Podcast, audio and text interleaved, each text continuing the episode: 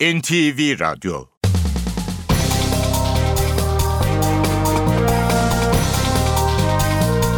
İşe Giderken Mutlu sabahlar. Ben Aynur Altunkaş. Bugün 26 Eylül Cuma. Haftanın son iş gününde işe giderken de birlikteyiz. Türkiye ve dünya gündemine yakından bakacağız. Önce gündemin başlıkları. Cumhurbaşkanı Recep Tayyip Erdoğan New York'taki temaslarının son gününde Amerika Birleşik Devletleri Başkanı Barack Obama ile telefon görüşmesi yaptı. Yardımcısı Joe Biden'ı da kaldığı otelde kabul etti. Irak Başbakanı Haydar El İbadi, IŞİD örgütünün Paris'te ve Amerika Birleşik Devletleri'nde saldırılarda bulunabileceğini söyledi. Maden Kazalarını Araştırma Komisyonu Soma'da 301 işçinin hayatını kaybettiği maden ocağında inceleme yaptı. Trafik kurallarına uyulması için sürücü kurslarına trafik adabı dersi koyuluyor. Dersi geçemeyen ehliyet alamayacak. İstanbul'da Nijerya uyruklu iş adamı Ebola virüsü taşıdığı şüphesiyle hastaneye kaldırıldı. Diyarbakır'da devriye görevi yapan polis aracına ateş açıldı. 3 polis yaralandı, saldırganlar olay yerinden kaçtı. Galatasaray'da yeniden aday olmayacağını açıklayan Başkan Ünal Aysal futbol takımıyla yemekte buluştu.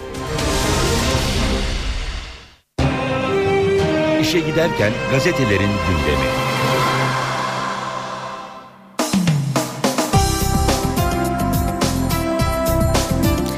Basın özetlerine hürriyetle başlayalım. Hürriyetin manşetinde Türkiye'nin e, Şanlıurfa Suruç ilçesinden e, izlenimler var. Sınırda şu an e, manşetini görüyoruz. IŞİD'in hedefi Şanlıurfa'nın Suruç ilçesinin karşısında Suriye Kürtlerinin Suriyeli Kürtlerin elindeki Kobani'yi ele geçirmek, YPG güçleri ise Zorava tepesine ağır silahlarla saldıran IŞİD'e doçkalarla karşılık veriyor. IŞİD Zorava tepesinin tam karşısındaki aşağı Sıftık'la yukarı Sıftık köylerini de ele geçirdi. YPG'nin savunduğu Zorava stratejik olarak Kobani'nin en önemli bölgesi. IŞİD bu tepeyi alırsa doğru doğrudan Kobani'ye saldırma fırsatı yakalayacak. Dün yoğunlaşan çatışmalar sabaha kadar sürdü. Türk askerleri kulelerden çıkarıldı. Sınıra zırhlı araçlar konuşlandırıldı diyor Hürriyet. Amerika'dan ilk somut talep Beyaz Saray yönetimi Türkiye'den IŞİD'e karşı beklentisinin ne olduğunu resmen açıkladı. Erdoğan'la Amerika Başkan Yardımcısı Joe Biden'ın görüşmesi öncesi bilgi veren Amerikalı üst düzey bir yetkili Türkiye'nin ne yapıp ne yapamayacağı konusundaki görüşmelerin tam ortasındayız dedi. Erdoğan önceki akşam Birleşmiş Milletler'deki konuşmasında IŞİD için eli kanlı terör örgütü dedi. Amerika Başkan Yardımcısı Biden dün gece buluştuğu Cumhurbaşkanı Erdoğan'a IŞİD'e karşı katkıyı sordu. Görüşme öncesi Başk e, Başkan Obama da Erdoğan'ı aradı diyor Hürriyet. 7 ayın zirvesi 2.26.70. Amerikan ekonomisiyle ilgili ard arda gelen güçlü veriler üzerine dolar gelişen ülke kurlarının neredeyse tümüne karşı değer kazandı. Dolar 2.26.70 Türk lirasıyla 7 ayın zirvesine çıktı. Türk lirası dolar karşısında en çok değer kaybeden kur oldu diyor Hürriyet haberinde. Yüzde bir bile ihtimal yok. Ünal Aysal herhalde aday olmayacağım deyince başkanlık seçimi için kapıyı açık mı bıraktı yorumları yapıldı. Hürriyet sormuş Aysal şu yanıtı vermiş. Konuşmamın başındaki o herhalde ifadesi kulübe duyduğum saygının yansımasıdır. Galatasaray başkanlığına aday olmayacağım gibi sert bir cümle kullanmayı saygısızlık olarak değerlendiririm. Yüzde bir bile ihtimal yok. Geçelim Milliyet gazetesine Peninsula mutabakatı diyor Milliyet. Cumhurbaşkanı Erdoğan ve Amerika Başkanı Obama ortak strateji yürütülüp sadece IŞİD değil PKK da dahil bölgedeki tüm terör örgütleriyle mücadele için görüş birliğine vardı diyor Milliyet gazetesi haberinde. Terör alarmı bir diğer başlık IŞİD'in Avrupa ve Amerikan vatandaşlarına yönelik saldırılarındaki artış birçok ülkeyi harekete geçirdi. Amerika, Fransa ve Danimarka vatandaşlarını Türkiye dahil onlarca ülkede yaşanabilecek saldırılara karşı uyardı. Amerikan elçiliği Türkiye'deki vatandaşlarını özellikle Doğu ve Güneydoğu bölgelerinde dikkatli olmaya davet etti. Devam ediyoruz milliyetten haberlere. Yine dere yatağı faciası 4 ölü. Hatay Erzin'de şiddetli yağışın ardından taşan dere yatağı yine can aldı. Sel nedeniyle Gaziantep'te de ağır hasar yaşandı. Şiddetli yağışın ardından Amanos dağlarından gelen sel Hatay Erzin'de felakete yol açtı. 4 kişinin cesedine ulaşılırken bir kişi kayıp diyor Milliyet haberinde. Görgülü olmayana ehliyet de yok. Sürücü kurslarında teorik derslere trafik adabı dersi de ekleniyor. Milli Eğitim Bakanlığı Özel Öğretim Kurumları Genel Müdürü Yelkenci bu dersi geçemeyenler kursu bitiremeyecek ve ehliyet de alamayacak. 10 saat trafik mevzuatı dersinin 4 saatini adap dersine ayıracağız dedi. iPhone 6 Türkiye'de Apple'ın yeni cep telefonu modelleri iPhone 6 2349 liradan iPhone 6 Plus 2649 liradan başlayan fiyatlarla Türkiye'de satışa çıktı diyor Milliyet gazetesi haberinde. Sabahla devam ediyoruz. Darbeciyle oturmam diyor sabah manşette. Erdoğan'ın diktatör Sisi'ye tavrı dünyaya ders. Cumhurbaşkanı Erdoğan davetli olduğu Obama'nın masasına darbeci Sisi'nin de oturacağını öğrenince Birleşmiş Milletler yemeğini protesto edip katılmadı diyor sabah haberinde. Bir başka başlık İncirlik için 3 şart. Amerika'nın IŞİD'e karşı istediği İncirlik üstü için Ankara'nın koşulları var. Suriye ve Irak içlerine doğru 30 kilometrelik insani bölge oluşturulmalı. Bu bölgeyi IŞİD ve Esad'dan korumak için uçuşa yasak ilan e, alan ilan edilmeli. Esad'la mücadele de sürmeli bu amaçla ılımlı muhalefet desteklenmeli. Vatanla devam edelim. Fırça var ceza yok diyor. Vatan manşette. Hakim işkence sanığı 6 polise karakoldan insanların niye korktuğunu sizi görünce iyi anlıyoruz diye fırça attı ama ceza vermedi. 12 yıl İstanbul'da asker kaçağı olduğu iddiasıyla gözaltına alınan Hayati Demir'i 7 polis dövdü. Dayağın görüntüleri ortaya çıkınca 2 polise işkenceden 12 yıl, 4 polise işkenceye yardımdan 6 yıl hapis cezası istemiyle dava açıldı.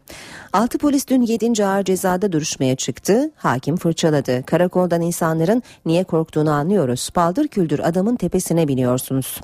Yapma o zaman bu mesleği. Devlet size vur kır diye maaş vermiyor. Ben katile katil diyemiyorum. Sizin yaptığınıza bak. Ancak 4 polise beraat ikisine 2240 lira ceza verdi. Onu da erteledi diyor Vatan haberinde. Devam ediyoruz basın özetlerine. O artık Twitter fenomeni. IŞİD'i vuran Dubai'li F-16 pilotu Meryem El Mansur'a Twitter'dan Lady Liberty Bayan Özgürlük adı takıldı. IŞİD'çiler kadın ateşiyle öldürülürse şehit olamayacaklarına inanıyor. Meryem'in fırlattığı füzelerde bir kadının attığı füzeyle vuruldunuz yazıyordu diyor Vatan Gazetesi haberinde. Kayseri için özel vasiyet. Kayseri Belediye Başkanı Mehmet Özhaseki, Gül'ün öldükten sonra Kayseri'de defnedilmek istediğini açıkladı. Cumhurbaşkanları her yere defnedilebiliyor ama şehir mezarlığını istedi, yeri hazır dedi. Bayram tatili bir gün uzadı. Bakanlar Kurulu 3 Ekim Cuma'ya denk gelen Arefe günü kamu personelinin yarım gün resmi izinli sayılmasını kararlaştırdı. Kurban Bayramı tatili 3 Ekim'de başlayacak, 7 Ekim'de bitecek. Cumhuriyetle devam edelim. Sıra geldi karma eğitim ediyor Cumhuriyet manşette. Türbanın kamuda ve okullarda serbest bırakılmasında etkili olan Eğitim Birsen, karma eğitiminde kaldırılmasını istedi. Sendikanın Başkanlar Kurulu toplantısının ardından yayınlanan bildiride insan iradesine ve tercihine ipotek koyan eğitimdeki karma mecburiyetine son verilmeli, devlet dayatmadan vazgeçmeli denildi. Kara listede Türkiye izi bir diğer başlık Amerika cihatçılara yardım eden 11 kişilik terör listesini açıkladı. Amerika IŞİD, El Nusra, El Kaide ile Cemaati İslamiye e, gibi cihatçı gruplara mali yardım, malzeme desteği ve savaşçı gönderilmesinde rol oynayan 11 kişiyi terör listesine aldı. Listede Ubeyd Türkiye olarak da tanınan Fatih Hasar adlı bir Türk vatandaşı da var. Cep tampon formülü yine Cumhuriyet'ten bir başlık. Türkiye güvenli bölge uygulaması için ağırlığı Suriye'ye veriyor. Türkiye'ye yönelik göç dalgasını durdurmak için tampon bölge uygulamasının zor olduğunu belirten askeri kaynaklar bunun yerine kapsamı daha dar bir güvenlikli bölgenin hayata geçirilebileceğini belirtiyor. Zaman gazetesi Anayasa Mahkemesi yasakçı düzenlemeleri esastan inceleyecek demiş manşetinde. Anayasa Mahkemesi CHP'nin başvurusu üzerine torba yasada yer alan hukuka aykırı 4 madde için esastan inceleme aldı, kararı aldı. İnternete sansür, özelleştirmeler, memurların geriye dönüşünü engelleyen ve mahkeme kararını uygulamayan kamu görevlilerini koruma altına alan maddelerin anayasaya aykırılığı incelenecek. Habertürk gazetesi savaş sıfır noktasında demiş Suriye'de Kobani'ye 3 koldan ilerleyen terör örgütü IŞİD sınıra 300 metre mesafede çatışıyor. Mehmetçik siperde deniyor haberde. Vestar gazetesine de bakalım. Sessiz dünyanın sesi oldu. Çocuk ve kadınların katledilişine sessiz kalan Birleşmiş Milletler'e her fırsatta tepki gösteren Erdoğan eleştirisini bu kez Birleşmiş Milletler kürsüsünden aykırdı. Mazlumların sessiz çığlığını dünyaya duyuran Cumhurbaşkanı'nın konuşmasının büyük yankı uyandırdığını yazmış Star. İşe giderken de gündemin ayrıntılarına bakmaya başlıyoruz. Cumhurbaşkanı Recep Tayyip Erdoğan New York'taki temaslarında iki kritik görüşme gerçekleştirdi. Bu görüşmeler Amerika Birleşik Devletleri Başkanı Barack Obama ve yardımcısı Joe Biden'laydı. Obama Erdoğan görüşmesi telefonda oldu. Biden'la görüşmede IŞİD başta olmak üzere diğer terör örgütleriyle ortak mücadele, Irak ve Suriye'deki son gelişmeler ele alındı. Cumhurbaşkanı Recep Tayyip Erdoğan New York'taki temaslarının son gününde Amerika Birleşik Devletleri Başkan Yardımcısı Joe Biden'la görüştü. Erdoğan Biden'ı kaldığı otelde kabul etti. Görüşme yaklaşık iki saat sürdü. Cumhurbaşkanlığı kaynaklarından edinilen bilgiye göre görüşmede IŞİD başta olmak üzere terör örgütleriyle ortak mücadele, Irak ve Suriye'deki son gelişmeler ele alındı. Irak'ta yeni hükümetin kurulmasının ardından istikrar sağlanması çalışmalarına Türkiye ve Amerika Birleşik Devletleri'nin birlikte katkısı konusunda uzlaşıldı. Görüşmede ayrıca Suriye'de istikrar ve yeni bir düzen gerekliliğine de vurgu yapıldı. Artan mülteci sorununa çözüm bulmak için ortaklaşa çalışmanın önemine değinildi. Bu kritik görüşmenin hemen öncesinde ise Amerikan Başkanı Barack Obama Cumhurbaşkanı Erdoğan'ı telefonla aradı. Görüşmede IŞİD dahil olmak üzere bölgedeki terör örgütleriyle mücadele ve Suriye meselesi gibi konularda Türkiye ve Amerika'nın ortak bir stratejiyle çalışmaya devamı kararlaştırıldı. Erdoğan ve Obama'nın önümüzdeki süreçte de yakın temas içinde olmaları konusunda da mutabık kaldıkları belirtildi. Beyaz Saray'dan yapılan açıklamada da iki ülke arasında zaten güçlü olan işbirliğini daha da ileriye götürmeye yönelik adımların konuşulduğu belirtildi. Açıklamada Obama'nın Türkiye yetkililer ve yerel grupların Birleşmiş Milletler'le birlikte Türkiye'ye büyük boyutta mülteci akışını üstlenmede sergiledikleri çalışmaları övdüğü bildirildi. Lübnan radikal örgütlerin elinde rehin tutulan vatandaşlarının kurtarılması için Türkiye'den yardım istedi. Cumhurbaşkanı Erdoğan New York'ta Lübnan Başbakanı Tammam Salam'la bir araya geldi. Görüşmede ikili ilişkiler ve bölgesel konular ele alındı. Lübnan Başbakanı Cumhurbaşkanı Erdoğan'dan IŞİD ve El Nusra'nın elindeki 21 Lübnanlı'nın serbest bırakılması için yardım istedi. Lübnan kaynakları Erdoğan'ın yardım sözü verdiğini belirtiyor. Lübnanlı rehineler ülkenin kuzeydoğusunda geçen ay kaçırılmışlardı. IŞİD Paris'te ve Amerika Birleşik Devletleri'nde saldırılarda bulunabilir. Bu Irak Başbakanı Haydar el İbadi'nin iddiası. İbadi New York'ta konuştu ve Bağdat'tan aldığım istihbarat raporları örgütün Paris ve Amerika Birleşik Devletleri'ndeki metrolara saldırılar planladığı yönünde dedi. Saldırıları Irak içindeki ağların planladığını belirten İbadi, bilginin güvenilir göründüğünü de söyledi. Washington ise İbadi'nin iddialarını destekleyecek bir kanıt olmadığını düşünüyor. Amerika Birleşik Devletleri'nin Suriye'deki IŞİD ve El-Kaide bağlantılı örgüte yönelik saldırısında öldürülenler arasında bir Türk vatandaşı var. Ümit Yaşar Toprak iddiaya göre eşi ve çocuklarını Bursa'da bırakarak Suriye'deki El Nusra örgütüne katıldı. Ailesinin IŞİD'e karşı savaştığını iddia ettiği Toprak'ın cenazesi Şam'da toprağa verildi. Abim zaten e, Suriye direnişinde Müslümanlara yardımcı olmak amacıyla gitti oraya. Oradaki direnişe katkı olması için gitti. Ümit Yaşar Toprak Suriye'de El Nusra saflarında savaşırken ABD'nin hava saldırısında öldürüldü. Bursa'da yaşayan Toprak iddiaya göre iki ay önce Esad ve IŞİD'e karşı savaşmak üzere Suriye'ye gitti. Giderken eşi ve beş çocuğunu ailesine bıraktı. Toprak Suriye'de El-Kaide bağlantılı El Nusra örgütüne katılarak tim komutanı oldu. Zaman zaman ailesiyle telefonla görüşen Ümit Yaşar Toprak, ABD'nin IŞİD ve El-Kaide bağlantılı örgüte yönelik hava saldırısında yaşamını yitirdi. Türkiye'ye getirilmeyen toprağın cenazesi Şam'da toprağa verildi. Ailesi ise Bursa'da gıyabi cenaze namazı kıldı. Toprağın 2004 yılında İstanbul'daki NATO toplantısına canlı bomba saldırısı düzenleyeceği sırada gözaltına alındığı iddia edildi. IŞİD saldırılarından kaçarak Türkiye'ye sığınanların bir bölümü savaşmak için Kobani'ye geri dönüyor. Çatışmalar nedeniyle sınırda güvenlik önlemleri de artırıldı. Mürşit Pınar sınır kapısı açıldı. IŞİD'in saldırılarından kaçarak Türkiye'ye gelen Suriyelilerin bir bölümü Kobani'ye dönüyor. Ailelerini Suruç'taki akrabalarının yanına yerleştiren Suriyeliler IŞİD'le savaşmak için gidiyorlar. Gün boyunca sığınmacılar küçük gruplar halinde Mürşit Pınar kapısından Kobani'ye geçti. Sınırda IŞİD'le YPG güçleri arasında şiddetlenen çatışma sesleri Suruç'un sınır köylerinden duyuluyor. Çatışmaların yaşandığı Kobani bölgesinden yükselen duman da sınırdan rahatlıkla görülüyor. Çatışmalar nedeniyle sınırda güvenlik önlemleri arttırıldı. Önlemler kapsamında askerler nöbet kulübelerinden indirildi. Zırhlı araçlar gün boyu sınır hattında devriye gezdi. Barzani Yardım Vakfı'nın gönderdiği 24 tırlık yardım malzemesi ise Türkiye sınırı üzerinden Kobani'ye götürüldü. Suriye tarafında önceki gün sığınmacıların bekleyişi sırasında mayın patlamış, 4 çocuk yaralanmıştı. Suruç'ta tedavi edilen ve durumu ağır olan çocuklardan biri hayatını kaybetti. Ankara'da yoğun bir görüşme trafiği yaşandı. Devletin zirvesi haftalık olan görüşmeler için bir araya geldi. Başbakanlıkta da arka arkaya Suriye konulu görüşmeler vardı. Perşembe Ankara'nın haftalık olan görüşme günüydü ama Başbakanlıkta olağan dışı bir trafik yaşandı. Başbakan Ahmet Davutoğlu hem MİT Müsteşarı Hakan Fidan hem de Genelkurmay Başkanı Orgeneral Necdet Özel'le görüştü. Ama sonrasında MİT Müsteşarı ve İçişleri Bakanı Efkan Ala ile üçlü görüşme yaptı. Gündem sınırdaki hareketlilikti. Başbakan Davutoğlu MİT Müsteşarı Fidan'la saat 14.30'da bir araya geldi.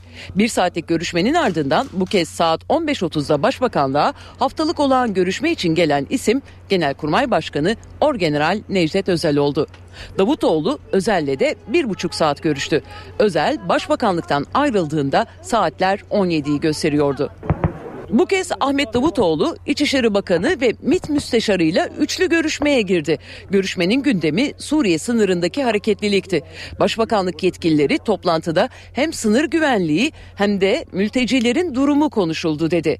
Ayrıca hafta başında yapılan Ulusal Güvenlik Zirvesi'nde alınan kararlar da üç isim tarafından gözden geçirildi.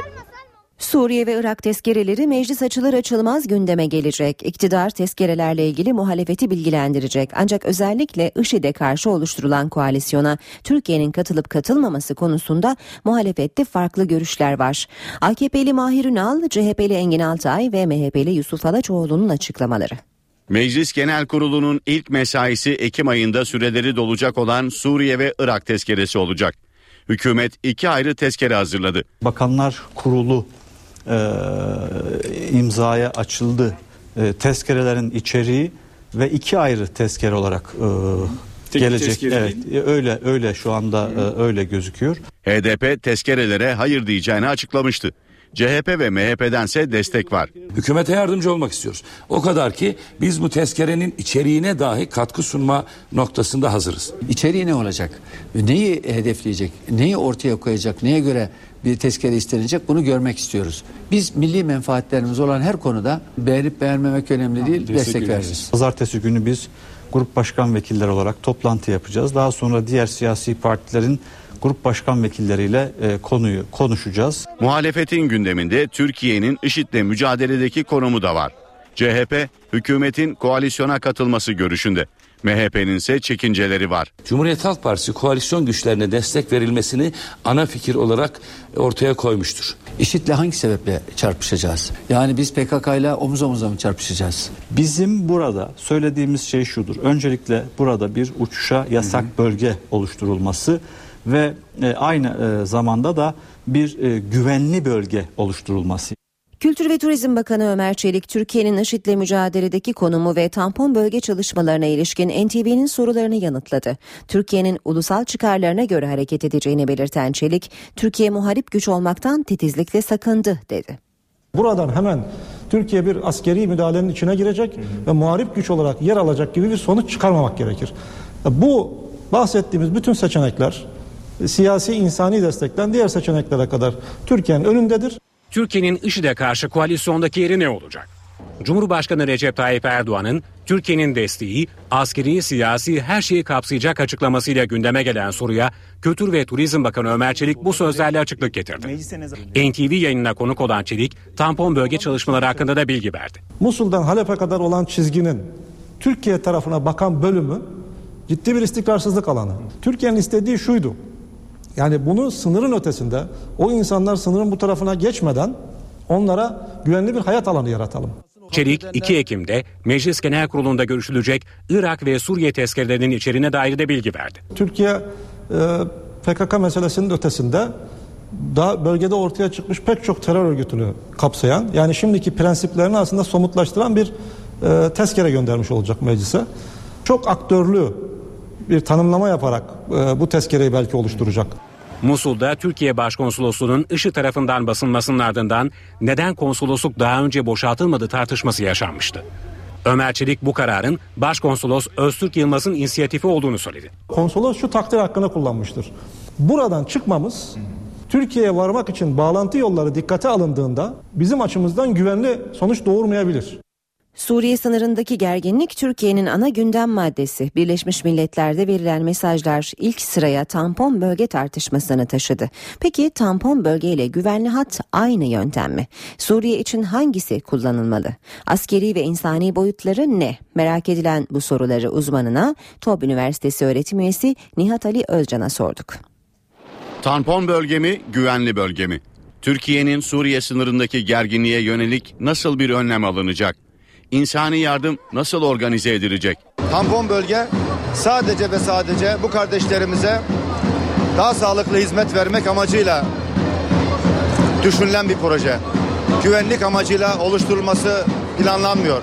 Mülteci kardeşlerimizin rahat edebilecekleri, güvenlikte dahil olmak üzere e, en iyi lojistik hizmetin desteğin verilebileceğini düşündüğümüz, düşünülen alanlarda olacak elbette. Hükümet kanadından insani yardım amacıyla güvenli bölge sinyalleri gelse de uzmanlara göre her iki yöntemin de hem insani hem de askeri boyutları var. E, tampon bölge dediğiniz zaman bir ülkenin bir toprağın e, saldırılardan, tecavüzlerden korumak için e, yapılacak olan saldırıları ülke topraklarının dışında korumaya yönelik bir hat anlamak mümkün.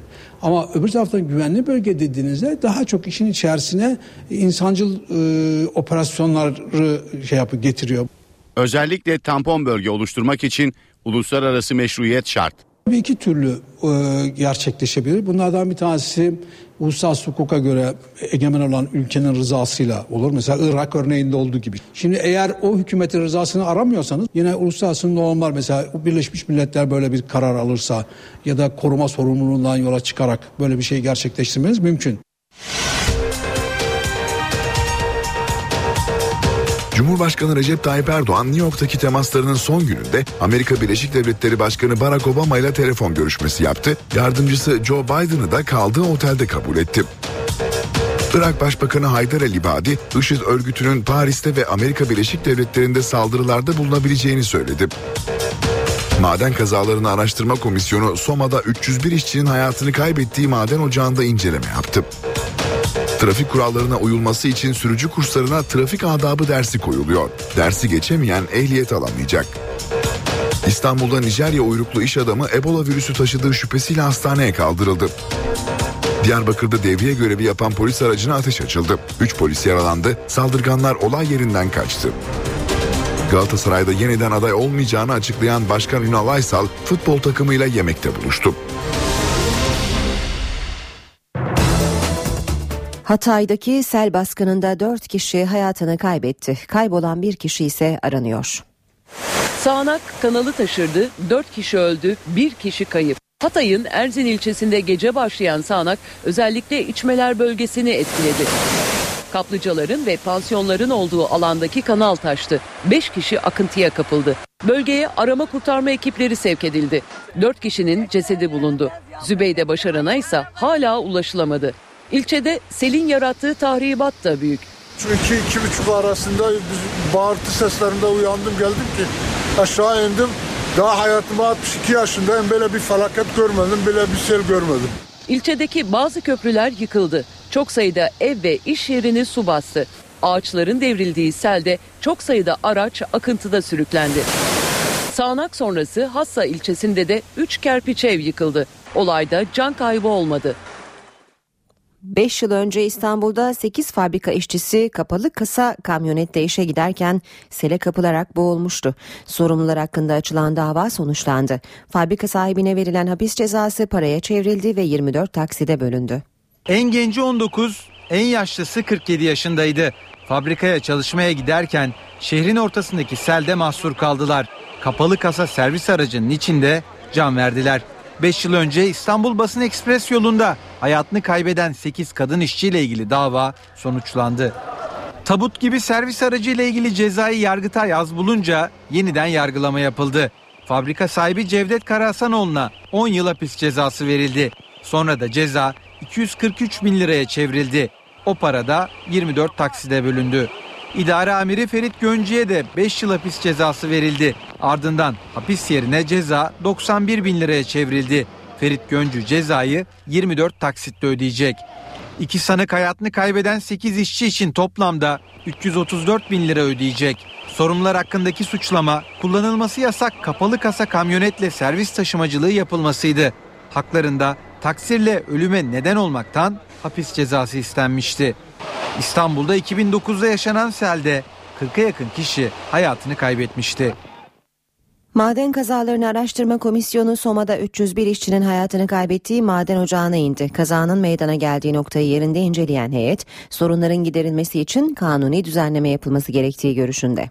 Soma'da 301 işçinin hayatını kaybettiği maden ocağında incelemeler tamamlandı. Maden Kazalarını Araştırma Komisyonu kazanın meydana geldiği Eynez Maden Ocağı'na girdi. Yaklaşık 2 saat boyunca inceleme yapan heyet yanan kablo ve plastiklerden numune aldı. Kömür alma yapıldı. Komisyon Başkanı Ali Rıza Alaboy'un özelleştirme politikalarının etkisiyle madenciliğin ihmal edildiğini söyledi. Bizim burada çok hızlı bir şekilde kanuni düzenlemeler yapıp e, bunu hızlı bir şekilde yürürlüğe koymamız gerekiyor. Daha önce de söyledik kömürle ilgili özel bir kanun çıkartılması gerekiyor. Özellikle uygulama mevzuatında çok büyük zayıflıklarımız olduğunu gördüm. Alaboy'un ayrıca özel sektör tamamen suçlu olarak görülmemeli dedi. İşverenin üzerinden yükün alınması gerekiyor, devletin teşvik vermesi gerekiyor. Biz bir kaza nedeniyle eğer sektörü topyekun suçlu hale getirirsek buradaki çalışan insanlarımızı da bu sektörde suçlu hale getiririz. CHP Manisa Milletvekili Özgür Özel ise ocaklardaki tehlikelere değindi. 13 Mayıs günü Eynez ne durumdaysa Türkiye'deki hiçbir maden ondan daha güvenli değil şu anda. Burası da eskisi kadar bile güvenli değil. Bu sadece söküm çalışması için yaklaşık 300 kişinin çalıştığı söyleniyor ama o 300 kişinin de her birisinin için her gece yapmadan önce dua edeceğim başlarına bir şey gelmesin. Heyet daha sonra Işıklar Maden Ocağı'nı ziyaret etti. İşe giderken haberler devam edecek saat başından sonra. Şimdi sırada spor haberleri var. Spor haberleri başlıyor.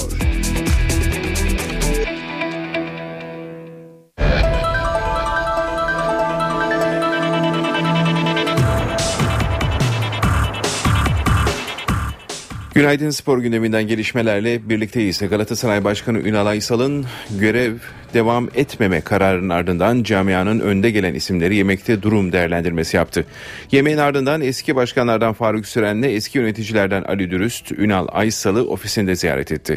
Aysal'dan görevine devam etmesi istendi ancak yanıt olumsuzdu. Galatasaray Başkanı Ünal Aysal'ın aday olmama kararı sonrası sarı kırmızılı camiada hareketli saatler yaşanıyor. Eski Başkan Faruk Süren ve eski yöneticilerden Ali Dürüst, Fatih Altaylı ve Abdurrahim Albayrak yemekte bir araya geldi. Görüşmede 25 Ekim'deki seçimle olağanüstü genel kurul öncesi durum değerlendirmesi yapıldı. Toplantı sonrası genel kanı Başkan Ünal Aysal'ın görevine devam etmesi yönündeydi. Nasıl bir yol izlememiz lazım? Galatasaray'ın açısından geleceğimiz için Galatasaray yarın bir gün bir zor duruma bir sıkıntıya düşmemesi için neler yapabiliriz? Onun değerlendirmesini yaptık. İnşallah bununla ilgili e, bir çalışma yapıyoruz. Sayın Başkan dün girmeyeceğini açıkladı. E, Biz devam etmesi konusunda bir hemfikiriz ama onun kendi takdiridir. Bu yemeğin ardından eski başkanlardan Faruk Süren'le eski yöneticilerden Ali Dürüst, Ünal Aysal'ı ofisinde ziyaret etti. Süren Dürüst ikilisi Aysal'dan görevine devam etmesini istedi. Görüşmeyle ilgili NTV Spor'a konuşan Başkan Ünal Aysal bu talebe olumsuz yanıt verdiğini söyledi. Aysal 25 Ekim'deki olağanüstü genel kurulda başkanlığa aday olmayacağını bir kez daha vurguladı.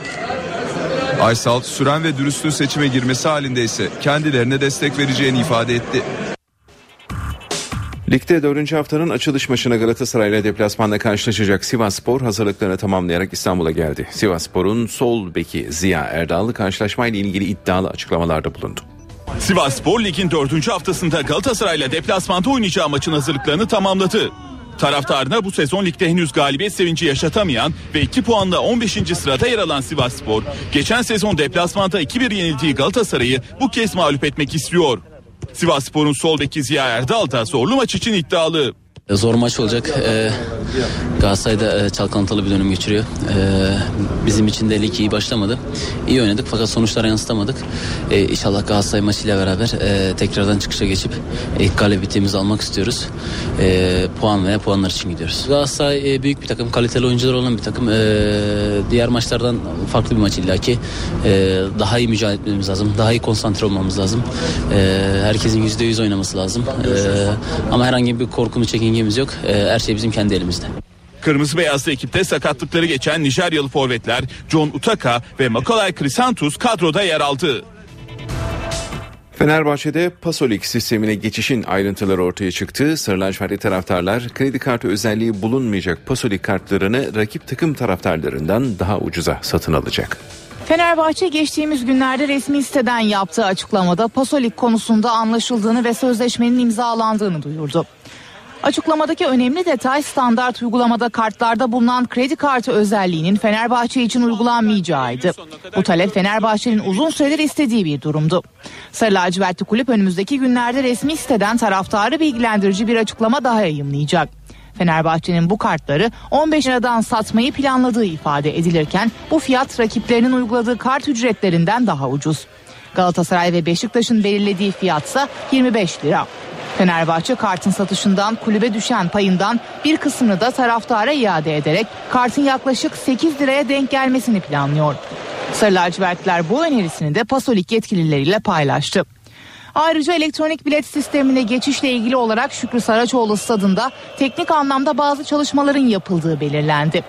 Sözleşmenin imzalanmasından sonra sistem tamamen hazır hale getirilecek. Ancak bu sistemin 5. haftadaki Torku Konya Spor karşılaşmasına yetişmesinin zor olduğu öğrenildi. Taraflar bu maç için geçici çözümler üzerinde duruyor. Filenin Sultanları Dünya Kadınlar Voleybol Şampiyonası'ndaki 3. maçında ikinci yenilgisini aldı. Milli takım Bulgaristan'a 3-2 mağlup oldu. Maçtan 1 puanla ayrılan milliler puanını 4'e çıkardı. Türkiye gruptaki 4. maçında cumartesi lider Brezilya ile karşı karşıya gelecek. Bu haberle spor bültenimizi tamamlıyoruz. İyi günler diliyoruz. NTV Radyo Herkese yeniden günaydın. Ben Aynur Altunkaş. Yeni saate başlıyoruz. Cumhurbaşkanı Erdoğan New York'taki temaslarının son gününde Barack Obama ile telefonda görüştü. Yardımcısı Joe Biden'la da kaldığı otelde yüz yüze bir araya geldi. Maden Kazalarını Araştırma Komisyonu Soma'da 301 işçinin hayatını kaybettiği maden ocağında inceleme yaptı. Trafik kurallarına uyulması için yeni bir ders konuyor sürücü kurslarına adı trafik adabı. Ayrıntılar birazdan ama önce hava durumu. Gökhan Abur yanımızda hoş geldiniz. Merhaba hoş bulduk günaydın. E, bugünden itibaren yine Trakya'dan gelecek yağmurlara karşı hazırlıklı olmalıyız. Zira yağışlar kuvvetli, rüzgar da sert, e, hava e, sıcaklığında da düşüş olacak. Yani e, bir kış provası mı yoksa sert bir sonbahar havası mı nedir?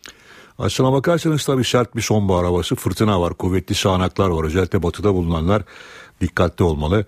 Evet e, şu anda bulutlar hızlı bir şekilde Ege'den e, kıyılarımıza doğru yaklaşmaya devam ediyor. Bir kolu Ege üzerinde bir, bir diğer kolu ise Yunanistan'ın kuzey kesimlerinden Trakya'ya doğru ilerliyor. Ve ilerleyen saatlerde Saros Körfezi, Edremit Körfezi Edirne'de başlamasını beklediğimiz daha sonra e, İzmir ve Muğla arasında giderek etkisini arttıracak yağışlar hemen hemen hızlı bir şekilde iç kesimlere doğru ilerleyecek.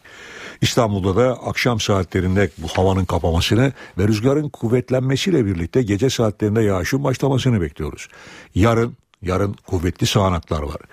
Yarın rüzgarın öncelikle karayele dönmesiyle birlikte ve kuvvetli hatta fırtınaya yakın esmesiyle birlikte yağışlar Marmara bölgesinde kuvvetlenecek. Marmara'daki kuvvetli yağışların özellikle İstanbul, Kocaeli, Sakarya, Gölcük, Yalova ve biraz daha e, batıya doğru gidersek Balıkesir'in kuzey kesimleri örneğin Bandırma civarında çok daha kuvvetli olmasını bekliyoruz. Kuvvetli sağanaklar Marmara'nın tümünü etkilerken aynı şekilde Kuzey Ege'de ve iç kesimlerde Ege'nin hemen hemen tamamında da yağışlar giderek kuvvetlenecek. Batı Karadeniz bölgesinde ve iç kesimlerde yağışlar sağanaklar şeklinde etkisini artırırken rüzgar bu kez Poyraz'a doğru dönecek ve rüzgarın Poyraz'a dönmesiyle de sıcaklıklar hızlı bir şekilde azalacak. Bugün İstanbul'da 22 derece olmasını beklediğimiz sıcaklık yarın bu kuvvetli yağış ve kuvvetli rüzgarla birlikte 15 derecelerin altına inebilecek İstanbul genelinde. Evet kuvvetli Poyraz var dedim yarın öğleden sonra ve bu Poyraz pazar gününe devam edecek. O bakımdan yine İstanbul'da daha kuvvetli olmak üzere sabah saatlerinde pazar sabah saatlerinde yağışın aralıklarla devam etmesini bekliyoruz. Akşama doğru yağış biraz hafifleyecek. Pazartesi sabahı da gene İstanbul'da ve Marmara'nın orta ve doğu kesimleriyle güneyindeki yağışlar etkili olacak. Hemen Ege'ye geçmek istiyorum. Ege'de sağanaklar etkisini giderek arttırırken iç kesimlerde de aralıklarla yağış var. Özellikle Cumartesi günü Ege'de kuvvetli yağış geçişleri görülürken bu yağışlar iç kesimlere doğru ilerleyecek demiştim.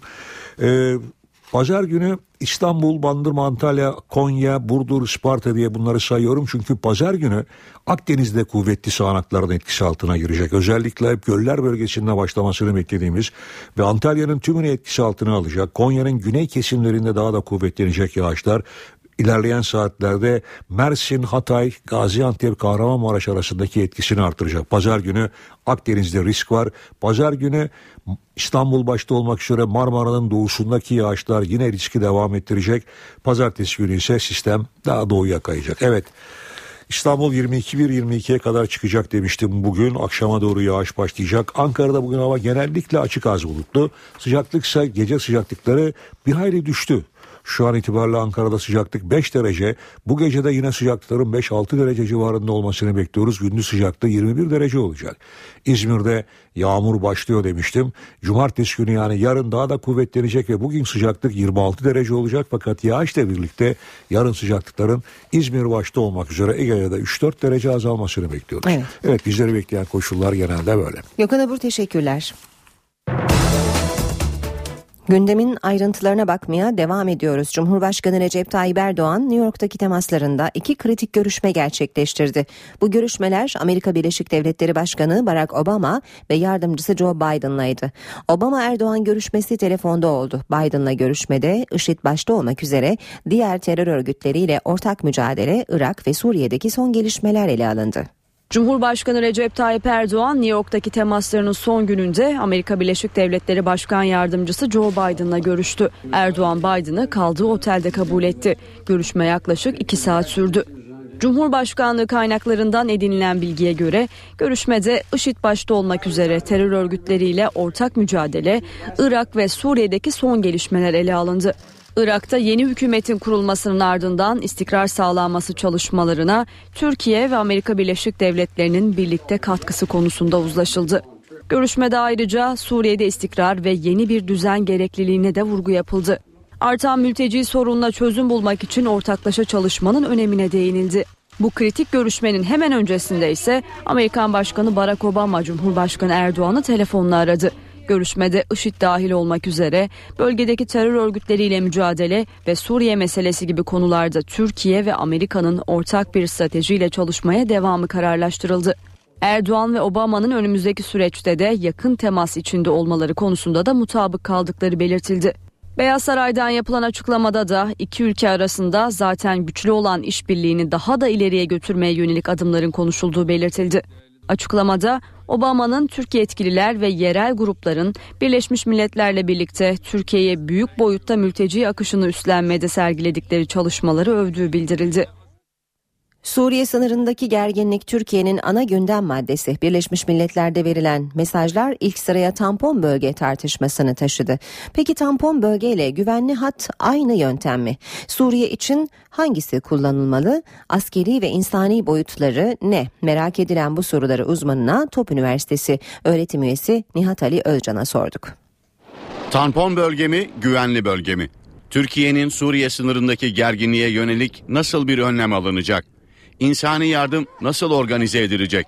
Tampon bölge sadece ve sadece bu kardeşlerimize daha sağlıklı hizmet vermek amacıyla düşünülen bir proje.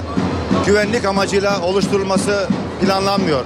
Mülteci kardeşlerimizin rahat edebilecekleri, güvenlikte dahil olmak üzere e, en iyi lojistik hizmetin desteğin verilebileceğini düşündüğümüz, düşünülen alanlarda olacak elbette.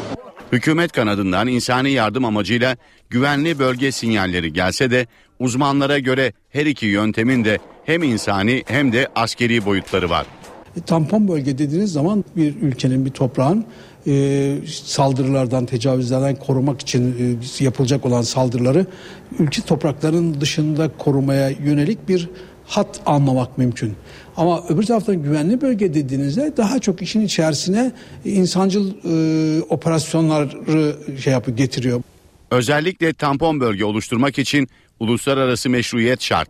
Bir iki türlü e, gerçekleşebilir. Bunlardan bir tanesi uluslararası hukuka göre egemen olan ülkenin rızasıyla olur. Mesela Irak örneğinde olduğu gibi. Şimdi eğer o hükümetin rızasını aramıyorsanız yine uluslararası normlar mesela Birleşmiş Milletler böyle bir karar alırsa ya da koruma sorumluluğundan yola çıkarak böyle bir şey gerçekleştirmeniz mümkün.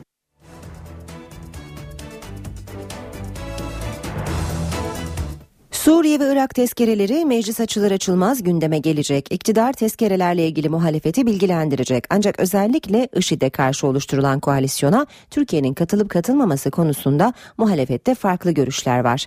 AKP'li Mahir Ünal, CHP'li Engin Altay ve MHP'li Yusuf Alaçoğlu'nun açıklamaları. Meclis Genel Kurulu'nun ilk mesaisi Ekim ayında süreleri dolacak olan Suriye ve Irak tezkeresi olacak. Hükümet iki ayrı tezkere hazırladı. Bakanlar Kurulu e, imzaya açıldı. E, tezkerelerin içeriği ve iki ayrı tezkere olarak e, gelecek. Evet, e, öyle öyle şu anda e, öyle gözüküyor. HDP tezkerelere hayır diyeceğini açıklamıştı.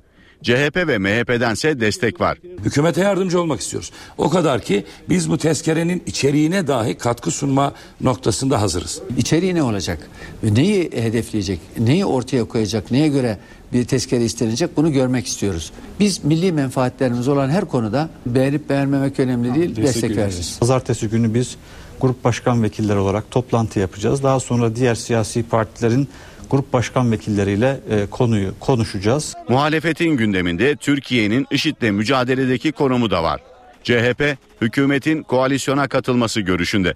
MHP'nin ise çekinceleri var. Cumhuriyet Halk Partisi koalisyon güçlerine destek verilmesini ana fikir olarak ortaya koymuştur. IŞİD'le hangi sebeple çarpışacağız? Yani biz PKK ile omuz omuza mı çarpışacağız? Bizim burada söylediğimiz şey şudur. Öncelikle burada bir uçuşa yasak bölge oluşturulması ve e, aynı e, zamanda da bir e, güvenli bölge oluşturulması.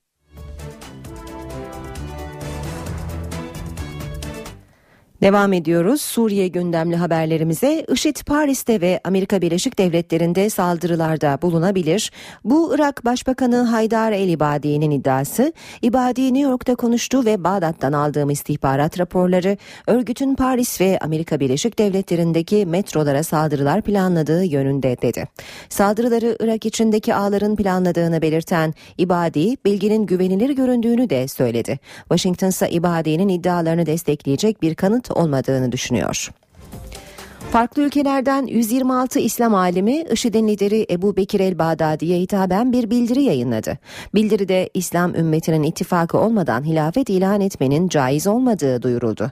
Bildiriye Suudi Arabistan, Ürdün, Filistin, Mısır, Tunus, Irak, Sudan, Yemen, Türkiye, İngiltere, Fransa, Amerika, İsveç, Bosna Hersek gibi ülkelerden 126 İslam alimi imza attı. Bildiride İslam'da suçsuz insanı öldürmek, elçileri ve dolayısıyla gazetecileri öldürmek, küfrünü açıkça ortaya koymayanları kafir saymak, Hristiyanlara veya ehli kitaba kötü davranmak ve ittifakla kaldırılan köleliği uygulamak, insanları Müslüman olmaya zorlamak, kadınların ve çocukların haklarını ellerinden almak, İslam'da ölülerin cesetlerine zarar vermek, işkence yapmak, kötü işleri Allah'a isnat etmek, peygamberlerin ve sahabelerin mezarlarını yıkmak caiz olmadığı gibi İslam ümmetinin ittifakı olmadan hilafet ilan etmek de caiz değildir denildi.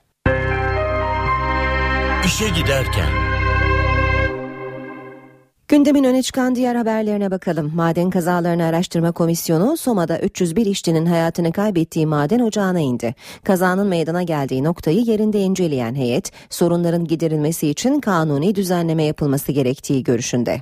Soma'da 301 işçinin hayatını kaybettiği maden ocağında incelemeler tamamlandı. Maden Kazalarını Araştırma Komisyonu kazanın meydana geldiği Eynez Maden Ocağı'na girdi.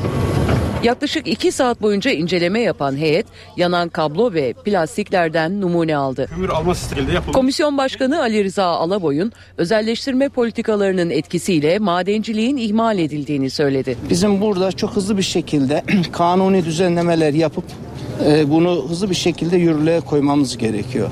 Daha önce de söyledik kömürle ilgili özel bir kanun çıkartılması gerekiyor. Özellikle uygulama mevzuatında çok büyük zayıflıklarımız olduğunu gördüm. Alaboy'un ayrıca özel sektör tamamen suçlu olarak görülmemeli dedi. İşverenin üzerinden yükün alınması gerekiyor, devletin teşvik vermesi gerekiyor. Biz bir kaza nedeniyle eğer sektörü topyekun suçlu hale getirirsek buradaki çalışan insanlarımızı da bu sektörde suçlu hale getiririz. CHP Manisa Milletvekili Özgür Özel ise ocaklardaki tehlikelere değindi. 13 Mayıs günü Eynez ne durumdaysa Türkiye'deki hiçbir maden ondan daha güvenli değil şu anda. Burası da eskisi kadar bile güvenli değil. Bu sadece söküm çalışması için yaklaşık 300 kişinin çalıştığı söyleniyor ama o 300 kişinin de her birisinin için her gece yapmadan önce dua edeceğim başlarına bir şey gelmesin dedi. Heyet daha sonra Işıklar Maden Ocağı'nı ziyaret etti. İş güvenliğinin artırılması ve kazaların önlenmesini öngören pakete son şekli verildi. Buna göre 1,6 milyon işçi bir yıl içinde eğitim almazsa çalışamayacak. Mühürlenen iş yerini açanı da hapis cezası bekliyor. Madencilik ve inşaat sektörünün aralarında olduğu 50 iş kolu en tehlikeli sınıfa girecek. 1 milyon 600 bin işçi bir yıl içinde eğitim almazsa çalışamayacak. Mühürlenen iş yerini açan hapse atılacak. Çalışma ve Sosyal Güvenlik Bakanlığı'nın bir süredir üzerinde çalıştığı iş güvenliği düzenlemesinde sona gelindi. Bakan Faruk Çelik'in geçtiğimiz pazar günü iş ve işveren sendikalarıyla bir araya geldiği toplantıda sendikalarında görüş alındı.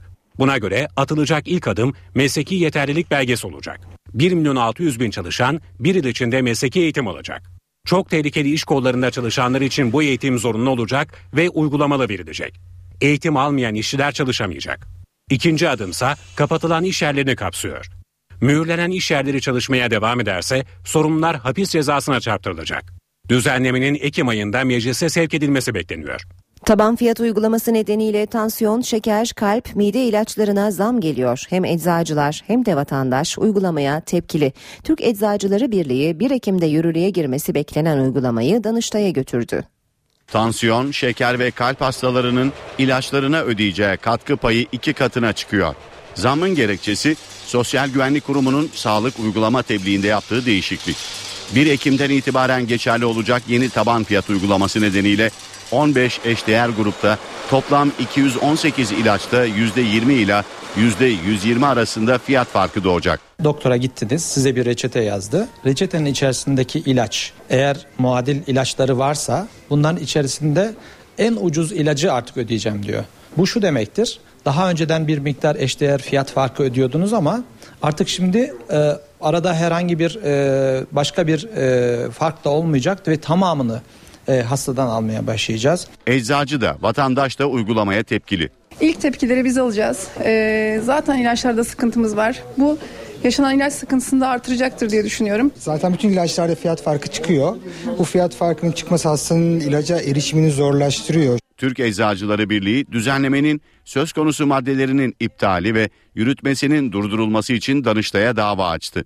İstanbul'da yüksek ateş ve kusma belirtisi üzerine Ebola virüsü şüphesiyle hastaneye kaldırılan Nijerya uyruklu iş adamı Haseki Hastanesi'ne sevk edildi. Pazar günü Türkiye'ye gelen Nijeryalı iş adamı önce Şişli Etfal Hastanesi'ne gitti. Yapılan testlerin ardından Ebola şüphesi üzerine Nijeryalı iş adamının Haseki Hastanesi'ne sevkine karar verildi. İş adamı özel kıyafet ve maskeli personel tarafından ambulansla sevk edildi. Şimdi test sonuçları bekleniyor. Başbakan Ahmet Davutoğlu'nun talimatıyla tüm kamu kurum ve kuruluşu çalışanları 3 Ekim Arefe günü resmi izinli sayılacak. Bu kararla kamu görevlileri için bayram tatili 4 günden 5 güne çıkmış oluyor. Trafik kurallarına uyulması için sürücü kurslarına yeni bir ders konuluyor. Adı trafik adabı. Bu ders sayesinde trafikte hoşgörünün yaygınlaşması hedefleniyor. Sürücü kurslarında artık adap dersi verilecek. Milli Eğitim Bakanlığı özel öğretim kurumları Eskişehir'de trafik ve çevre bilgisi adlı iki günlük bir çalıştay düzenledi. Katılımcılara kuralların davranış biçimi haline getirilmesi gerektiği anlatıldı. Bunun için de sürücü kurslarında trafik adabı konulu bir ders verilecek. Yaklaşma toz olursun, geçme pişman olursun, yetişemezsen el salla gibi birçok yazıyı araçların arkasında rastlamışızdır. İşte bizim amacımız bu algıyı, yıllarca yapılan bu yanlışı düzeltmek. Yetkililer sürücülerin bildikleri kurala uymama nedenini de açıkladı. Bu zemin 10 sene sonra, 15 sene sonra sürücülerin tarif ettiğimiz şekilde, olması gereken şekilde trafik adabını genel anlamda da adabı muaşereti içselleştirilmiş bir şekilde artık sürücülük yapmalarını sağlamış olacak. Derslerde görgü kuralları da anlatılacak. Kursa katılanlar bu 4 saatlik dersi geçemediği takdirde ehliyet alamayacak. Saat 8.25 işe giderken de beraberiz. Ekonomi başlığıyla sürdürüyoruz programı. Profesör Doktor Güngör Uras önce Ayşe teyzeye ekonomiden haberler verecek. Ayşe teyze ne yapsın? Güngör Uras, Ayşe teyzeye ekonomide olan biteni anlatıyor. Merhaba sayın dinleyenler. Merhaba Ayşe Hanım teyze, merhaba Ali Rıza Bey amca. Haç görevini yerine getirmek için bu yıl Suudi Arabistan'a seyahat edecek vatandaşlarımızın sayılarının 61 bin olacağı belirtiliyor. Her yıl ortalama 100 bin kişi haç görevini yerine getirmek için başvuru yapıyor. Kotalar nedeniyle bunların tamamına hacca gitme imkanı tanınamıyor. 61 bin hacı adayının 22 binini özel şirketlerimiz kalanını da Diyanet İşleri'nin organizasyonu ile Suudi Arabistan'a göndereceğiz. Bu yıl Türkiye'den umre için yapılan seyahatlerde rekor rakama ulaşılmış. 400 bin kişi umre seyahati yapmış. Umre ve haç harcamalarının yıllık toplamı 2 milyar 300 milyon lira dolayında yani yaklaşık 1 milyar dolar dolayında. Diyanet İşleri Başkanlığı'nın verilerine dayalı olarak Türkiye Seyahat Ajantaları Birliği'nin hazırladığı rapora göre her yıl umre için kutsal topraklara 5,5 milyon kişi gidiyor. Haç için gidenlerin sayısı ise 1 milyon 800 bin dolayında. Haç ve umre seyahatlerinden Suudi Arabistan'ın yıllık geliri 20 milyar dolar oluyor. Dünya Turizm Örgütü'nün rakamlarına göre 2013 yılında dünyada turizm amaçlı seyahat edenlerin sayısı 1 milyarı aştı. Bu 1 milyar kişinin yaklaşık 300 milyonunun seyahatlerinin inanç seyahati olduğu belirtiliyor. Dini nedenlerle yapılan seyahatlere inanç seyahati deniliyor. Türkiye'de 400-500 bin kişi dini amaçlı olarak Suudi Arabistan'a giderken Türk turizmi açısından da inanç seyahatiyle her geçen yıl daha büyük ölçüde yurda turist geliyor. Üç büyük dinin kutsal mekanlarının bulunduğu Türkiye'ye kutsal mekanları ve kutsal bölgeleri ziyaret etmek için dini amaçla seyahat edenlerin sayısı 2007 yılında 147 bin iken daha sonraki yıllarda geriledi. 2013 yılında Türkiye'nin etrafındaki değişik olaylar nedeniyle bu sayı 59 bine kadar düştü. Haç seyahati harcaması kişi başına ortalama 4 bin euro, umre seyahati harcaması ise ortalama 1500 euro dolayında. Hac için en düşük seyahat harcaması bu yıl 2800 euro, en yüksek seyahat harcaması ise 17 bin euro dolayında olacak. Hacca gidenlerin yarıdan fazlası kadın. Sınırlamalar olmadığı için 2011 yılında hacca daha fazla vatandaşımız gidebilmişti. 2011 yılında hacca gidenlerin sayısı 89 bin iken 2012 yılında 75 bine, 2013 yılında 60 bine geriledi. Bu yılda geçen yılki sayıda hacı adayının Suudi Arabistan'a gitmesi bekleniyor. Hac seyahatlerinde fiyatı yükselten konaklama ücreti, otellerin kalitesi ve hizmet şekli. Bu fiyatları arttırıyor. Acentalar otel ve hizmet kalitesine göre 5600 Euro'dan 17000 Euro'ya kadar farklı tarifeler uyguluyor. Yurdun değişik bölgelerinden hacı kafileleri yola çıkmaya başladı. Hacca gideceklere hayırlı seyahatler dileriz. Hac seferleri mübarek olsun. Bir başka söyleşi de birlikte olmak ümidiyle şen ve esen kalınız sayın dinleyenler. Güngör Uras'a sormak istediklerinizi ntvradio.ntv.com.tr adresine yazabilirsiniz.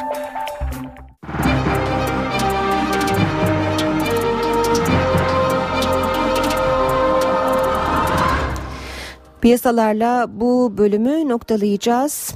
BIST 100 endeksi dün %0,80 değer kaybıyla 74.590 puandan kapandı. Dolar bu sabah 2.26'da, Euro 2.88'de, Euro dolar paritesi 1.29, dolar yen 109 düzeyinde. Altının onsu 1223 dolar, kapalı çarşıda külçe altının gramı 89 lira, Brent petrolün varili 97 dolar. Cumhurbaşkanı Recep Tayyip Erdoğan New York'taki temaslarının son gününde Amerika Birleşik Devletleri Başkanı Barack Obama ile telefon görüşmesi yaptı. Yardımcısı Joe Biden'ı da kaldığı otelde kabul etti. Irak Başbakanı Haydar El İbadi, IŞİD örgütünün Paris'te ve Amerika Birleşik Devletleri'nde saldırılarda bulunabileceğini söyledi. Maden Kazalarını Araştırma Komisyonu Soma'da 301 işçinin hayatını kaybettiği maden ocağında inceleme yaptı. Trafik kurallarına uyulması için sürücü kurslarına trafik adabı dersi koyuluyor. Dersi geçemeyen ehliyet alamayacak. İstanbul'da Nijerya uyruklu iş adamı Ebola virüsü taşıdığı şüphesiyle hastaneye kaldırıldı. Diyarbakır'da devriye görevi yapan polis aracına ateş açıldı. 3 polis yaralandı, saldırganlar olay yerinden kaçtı. Galatasaray'da yeniden aday olmayacağını açıklayan Başkan Ünal Aysal futbol takımıyla yemekte buluştu. Ankara gündemini alacağız demiştik. Haftanın son iş gününde bakalım neler bekleniyor. Miray Aktağ Uluç'u dinleyeceğiz. Miray. Aynur haftanın son iş gününde başkent Ankara'nın sakin bir rutin gündemi var. Ancak Türkiye yoğun bir haftayı geride bırakıyor. Sınırda yaşanan gerginlik, IŞİD tehlikesi, Birleşmiş Milletler toplantılarında New York'tan verilen mesajlar, meclis gündemine gelecek tezkereler ve Hakimler ve Savcılar Yüksek Kurulu seçimi Türkiye'nin gündemindeki ana başlıklar bunlar. Bütün bu başlıklar bugünün de gündemini belirleyecek. Bu başlıklara ilişkin mesajların verileceği ana platform ise bugün AK Parti Genel Merkezi olacak. AK Parti'de genişletilmiş il başkanları toplantısı var. Toplantı Ahmet Davutoğlu'nun konuşmasıyla başlayacak. Bir süredir parti teşkilatından ve bakanlıklardan briefing alan başbakanın il başkanları toplantısında partinin yeni yol haritası ile gündemdeki başlıklara ilişkin önemli mesajlar vermesi bekleniyor. Ve tezkereler Başbakan Ahmet Davutoğlu da hafta içinde hükümete sınır ötesi operasyon yetkisi veren iki ayrı tezkerenin hazırlandığını duyurmuştu. O töz tezkerelerin bugün hükümet tarafından meclise gönderilmesi söz konusu olabilir. Gündemde öne çıkan diğer başlıklara gelince Başbakan Yardımcısı Numan Kurtulmuş 26 Eylül Dil Bayramı toplantısının açılışına katılacak. Adalet Bakanı Bekir Bozdağ hakimlerin kura törenine katılacak. Bozdağ'ın o toplantıda HSYK seçimine ilişkin mesajlar vermesi de bekleniyor. Türkiye Büyük Millet Meclisi'nde ise bağımsız Kütahya Milletvekili İdris Bal'ın basın toplantısı var. Başkent gündeminden öne çıkan başlıklar özetle bu şekilde Aynur. İşe giderken haberlere devam ediyoruz saat 8.41. Diyarbakır'da bir kız çocuğu akli dengesi yerinde olmadığı öne sürülen bir kişinin satırlı saldırısına uğradı. Olayın ardından mahalle karıştı. Sur ilçesinde iddiaya göre akli dengesi yerinde olmayan bir kişi 12 yaşındaki DK'ye satırla saldırdı. Kolundan ve başından yaralanan kız çevredekilerin yardımıyla hastaneye kaldırıldı. Zanlı gözaltına alındı. Olayın ardından polis merkezinin önünde toplanan kalabalık zanlıya saldırmak istedi. Polis grubu biber gazı ve basınçlı suyla dağıttı. Hatay'daki sel baskınında 4 kişi hayatını kaybetti. Kaybolan bir kişi ise aranıyor. Sağanak kanalı taşırdı, 4 kişi öldü, 1 kişi kayıp. Hatay'ın Erzin ilçesinde gece başlayan sağanak özellikle içmeler bölgesini etkiledi. Kaplıcaların ve pansiyonların olduğu alandaki kanal taştı. 5 kişi akıntıya kapıldı. Bölgeye arama kurtarma ekipleri sevk edildi. 4 kişinin cesedi bulundu. Zübeyde Başaran'a ise hala ulaşılamadı. İlçede selin yarattığı tahribat da büyük. Çünkü iki buçuk arasında bağırtı seslerinde uyandım geldim ki aşağı indim. Daha hayatıma 62 yaşındayım böyle bir felaket görmedim böyle bir sel görmedim. İlçedeki bazı köprüler yıkıldı. Çok sayıda ev ve iş yerini su bastı. Ağaçların devrildiği selde çok sayıda araç akıntıda sürüklendi. Sağnak sonrası Hassa ilçesinde de 3 kerpiç ev yıkıldı. Olayda can kaybı olmadı. Diyarbakır'da devriye görevi yapan polis aracına ateş açıldı. 3 polis yaralandı. Olay gece Kayapınar ilçesine bağlı Peyas mahallesinde meydana geldi. Devriye görevindeki polis aracına uzun namlulu silahlarla ateş açıldı. Yaralanan 3 polis hastaneye kaldırıldı. Saldırganların yakalanması için bölgede operasyon başlatıldı. İstanbul Valiliğinde dün devir teslim yapıldı. Merkez Valiliğine atanan Hüseyin Avni Mutlu görevini Vasip Şahin'e devretti. 4 yıl 4 ay boyunca İstanbul Valiliği görevindeydi. Merkeze alındıktan sonra sıra devir teslimdeydi. Hüseyin Avni Mutlu İstanbul'un yeni valisi Vasip Şahin'i kapıda karşıladı. Mutlu hem görevini hem de valilik mührünü Vasip Şahin'e teslim etti. Devletimizin takdiri ile İstanbul Valiliği görevinden ayrılıyorum. Bir gün dahi görev yapılmış olsa bir ömre bedeldir İstanbul Valiliği. Şükrediyorum ki 4 yıl 4 ay gibi bir hizmetle bu güzel şehre ve güzel şehrin insanlarına hizmet etme fırsatı biz fani kula nasip oldu. Şehrin yeni valisi Şahin görevine adım atarken İstanbul'un rüyalarının kenti olduğunu söyledi. İstanbul maddi ve manevi boyutuyla her vatan evladının olduğu gibi benim de ideallerimde, benim de rüyalarımda bir aziz şehirdir, bir kutlu beldedir. Buraya hizmet ediyor olmak benim için de ayrıca bir onurdur. İşe giderken. Şimdi dünyadan haberlere bakalım. Hindistan hayvanat bahçesinde kaplanların bulunduğu alana girerek hayatını kaybeden adamı konuşuyor. Önceki gün meydana gelen olayın görgü tanıkları tarafından çekilen videosu ortaya çıktı. Yetkililer 15 dakika boyunca kaplanın karşısında korkudan titreyen adama neden yardım edilmediğini soruşturuyor. 15 dakika boyunca kaplanın karşısında korkudan titreyen adam sonunda yırtıcı hayvanın kurbanı oldu. Önceki gün meydana gelen olayın görgü tanığı tarafından çekilen yeni bir videosu ortaya çıktı. Görüntülerde yasak alana giren 20'li yaşlardaki gencin dev kaplan karşısında dakikalarca kendini korumaya çalıştığı görülüyor. Ziyaretçilerin pet şişe ve taş atarak uzaklaştırmaya çalıştığı kaplan daha sonra saldırıya geçiyor. Hint polisi şimdi hayvanat bahçesi yetkililerinin neden 15 dakika boyunca kaplanın bulunduğu alana düşen adamı kurtarmak için bir şey yapmadıklarını soruşturuyor.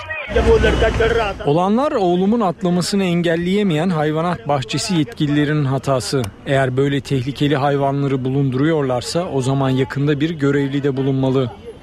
Hayvanat bahçesi yetkilileri ise iki kez engellenmesine rağmen adamın kaplanın bulunduğu bölgeye girdiğini söyleyerek kendilerini savunuyor.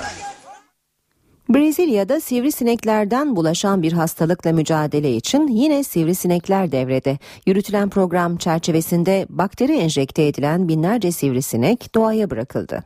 Her yıl binlerce kişinin canına mal olduğu belirtilen Dan kumbazı ile mücadelede Brezilya'da sivrisinekleri devreye soktu.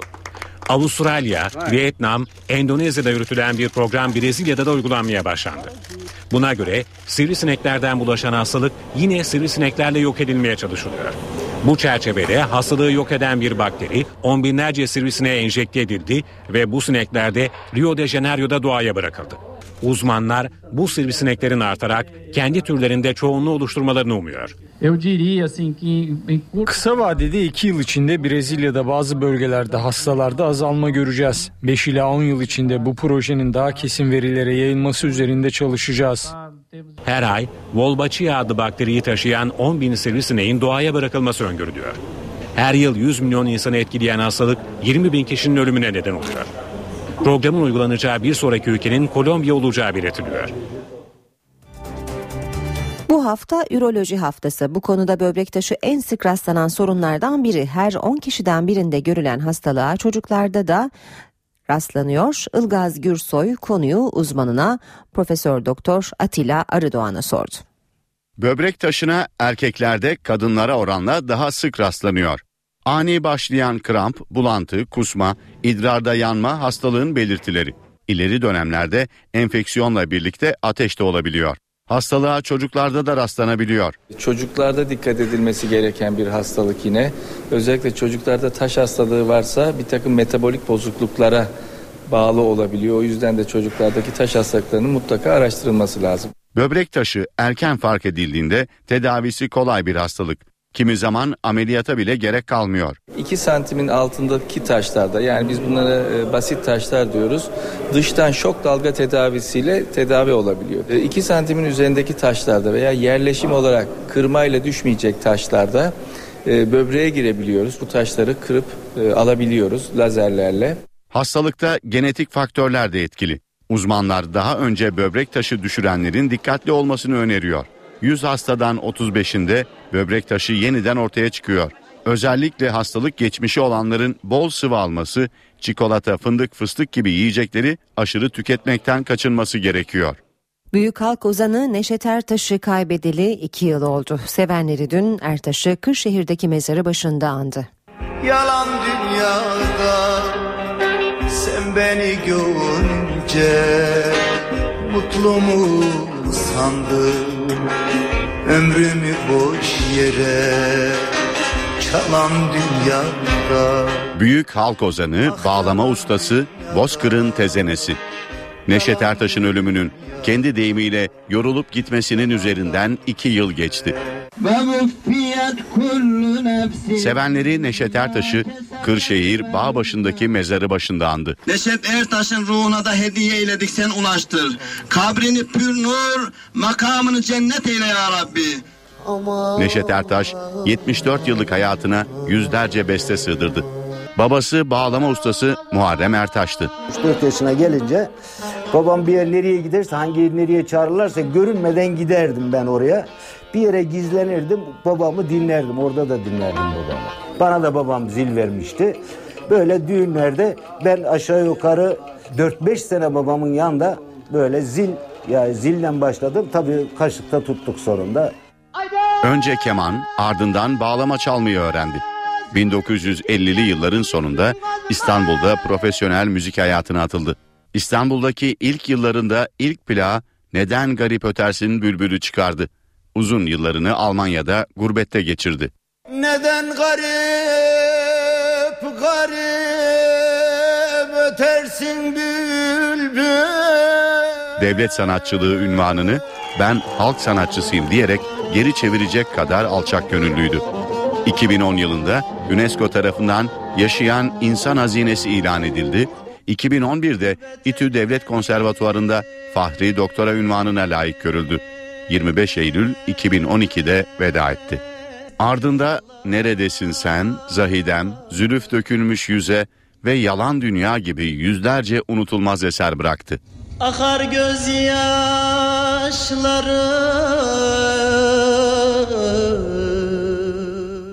Bitiriyoruz programı. Ben Aynur Altunkaş. Saat başında haber merkezinde buluşmak üzere. Hoşçakalın. NTV Radyo